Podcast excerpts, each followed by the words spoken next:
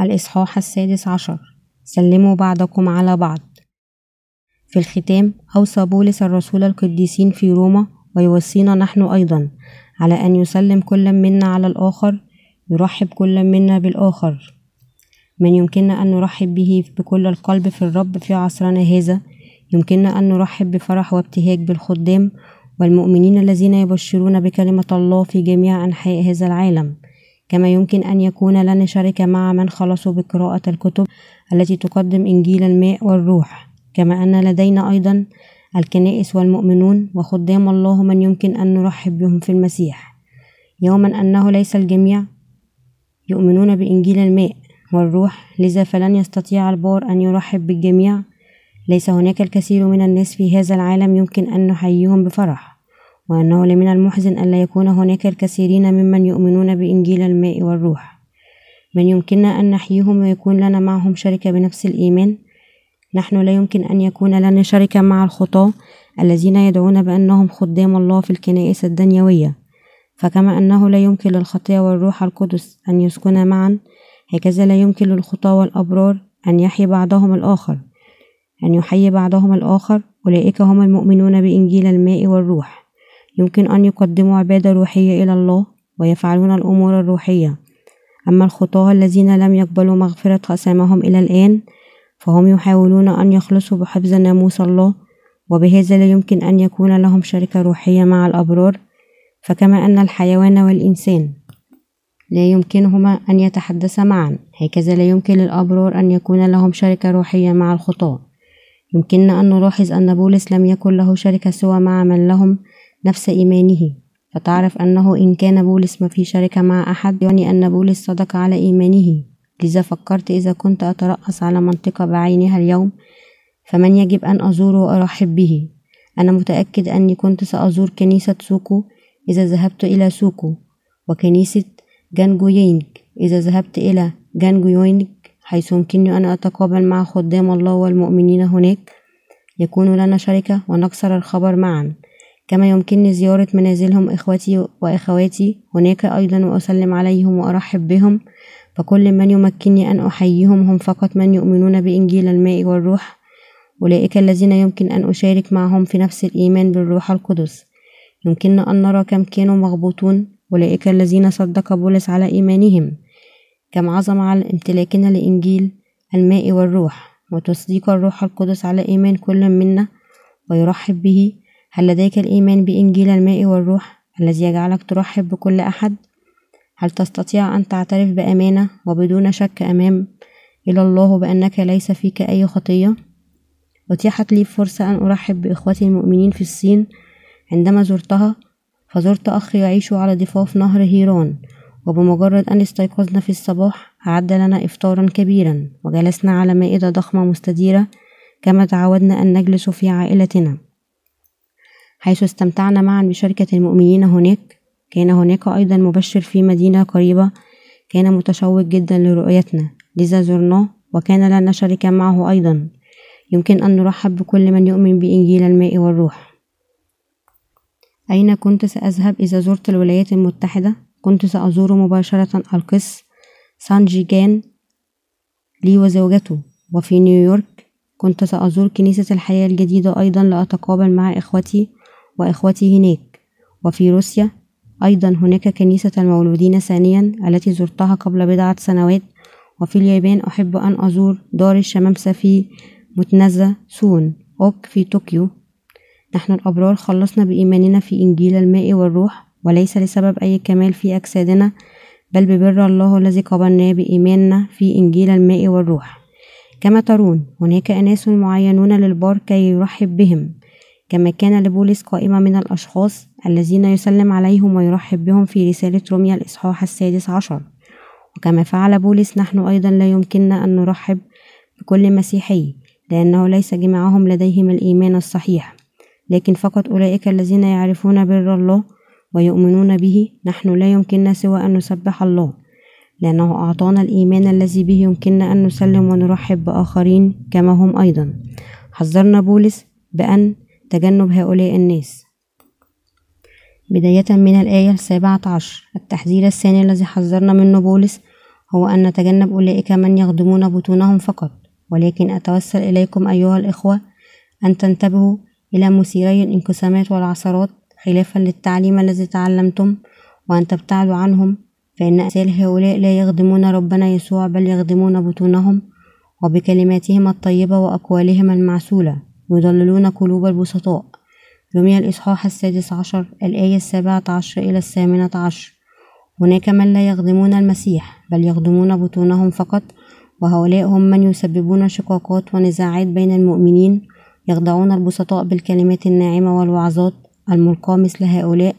يجب أن نرحب بهم ولا بل نتجنبهم. أوصانا بولس أن نتجنب مثل هؤلاء الناس لأنهم يسرون فقط بأن يسببوا متاعب في الكنيسة. معصرين أولئك الذين يؤمنون بالله بصدق ويجمعون البسطاء فقط ليغزوا جشعهم مثل هؤلاء القادة المسيحيين المضللين يحاولون تقييد الناس تحت الخطية بتعليم أتباعهم أن يطيعوا الناموس بالكامل. ولكنهم بهذا يملؤون فقط بطونهم باسم يسوع ويخضعون البريء. مثل هؤلاء لسنا في حاجة لأن نرحب بهم لأنهم انضموا للخدمة لملء بطونهم فقط. يجب أن ينتشر من إنجيل الماء والروح إلى كل الأمم. ثالثا تحدث بولس عن الحاجة لنشر الإنجيل لكل الأمم. في الآية السادسة والعشرون يقول ولكن أذيع الآن بأمر الله الأزلي في الكتابات النبوية على جميع الأمم لأجل إطاعة الإيمان. إنجيل الماء والروح الذي بشر به بولس هو بالحق الإنجيل الذي لابد أن تؤمن به وتطيع كل الأمم. ولكنه من المؤسف أن نرى أغلب تلك المناطق التي زرع فيها بولس الكنائس لمن آمنوا بإنجيل الماء والروح أصبحت الآن مناطق إسلامية. في ذلك الوقت ذهب بولس لتلك المناطق وأقام قادة كنائس هناك للمؤمنين بإنجيل الماء والروح الذي به بر الله.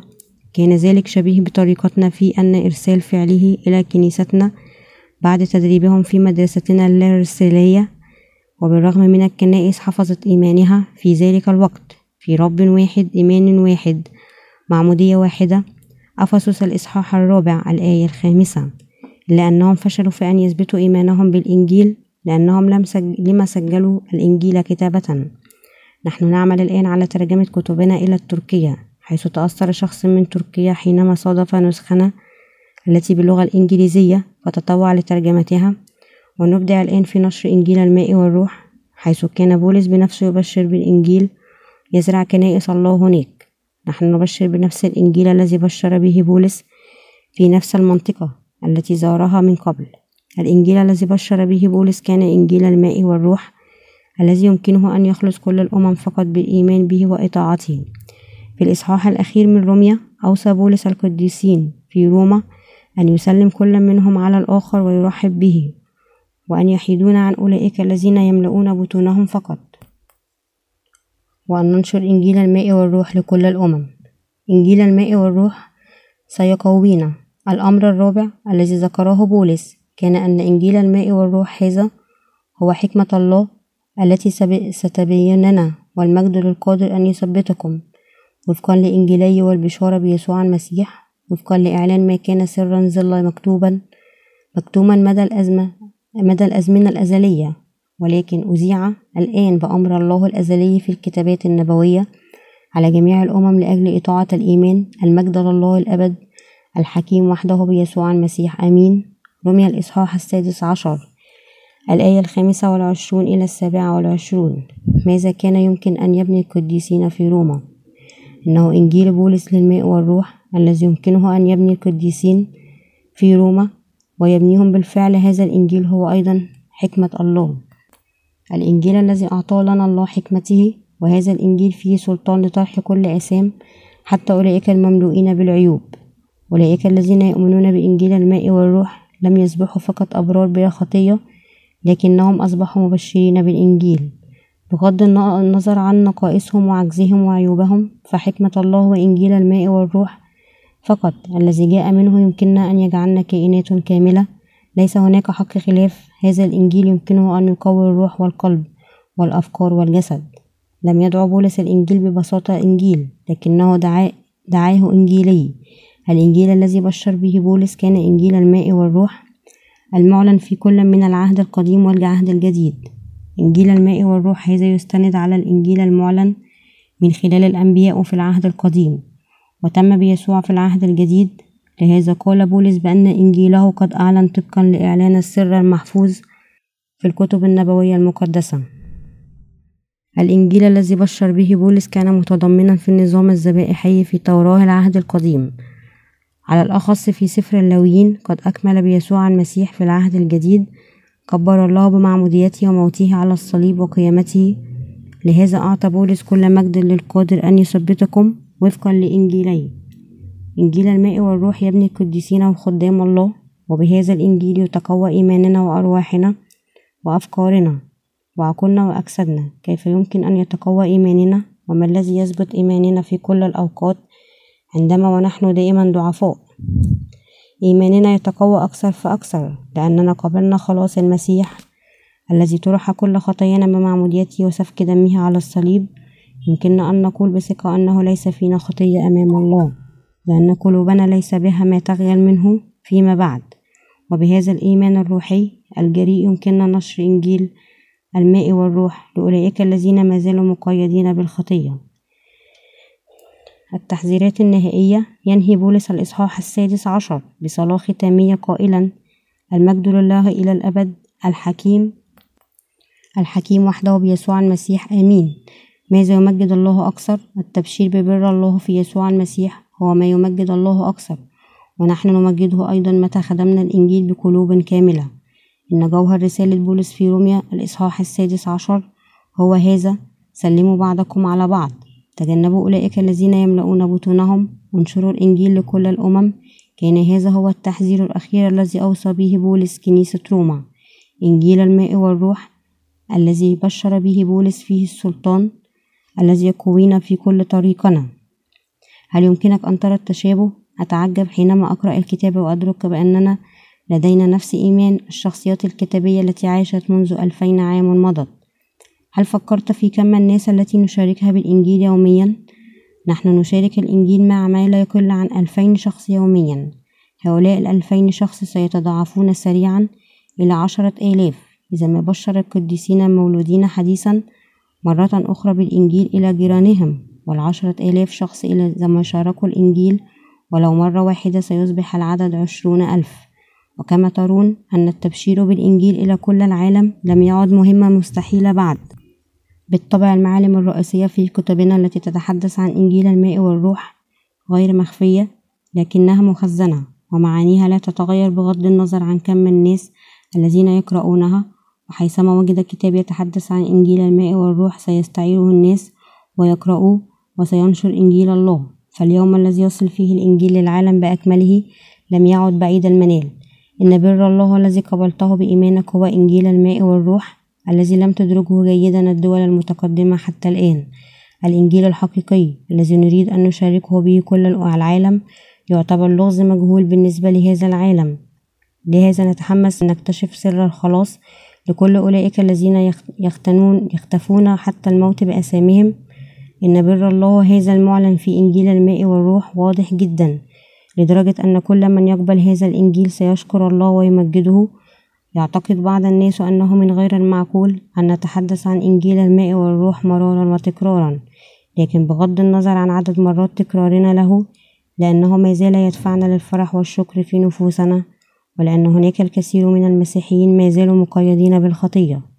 لهذا نبشر بإنجيل الماء والروح مرارا وتكرارا لكل العالم لأن هذا الإنجيل هو الإنجيل ذاته الذي قد سلمه الرسل بما فيهم بولس. لذا يجب على كل نفس أن تؤمن بهذا الإنجيل.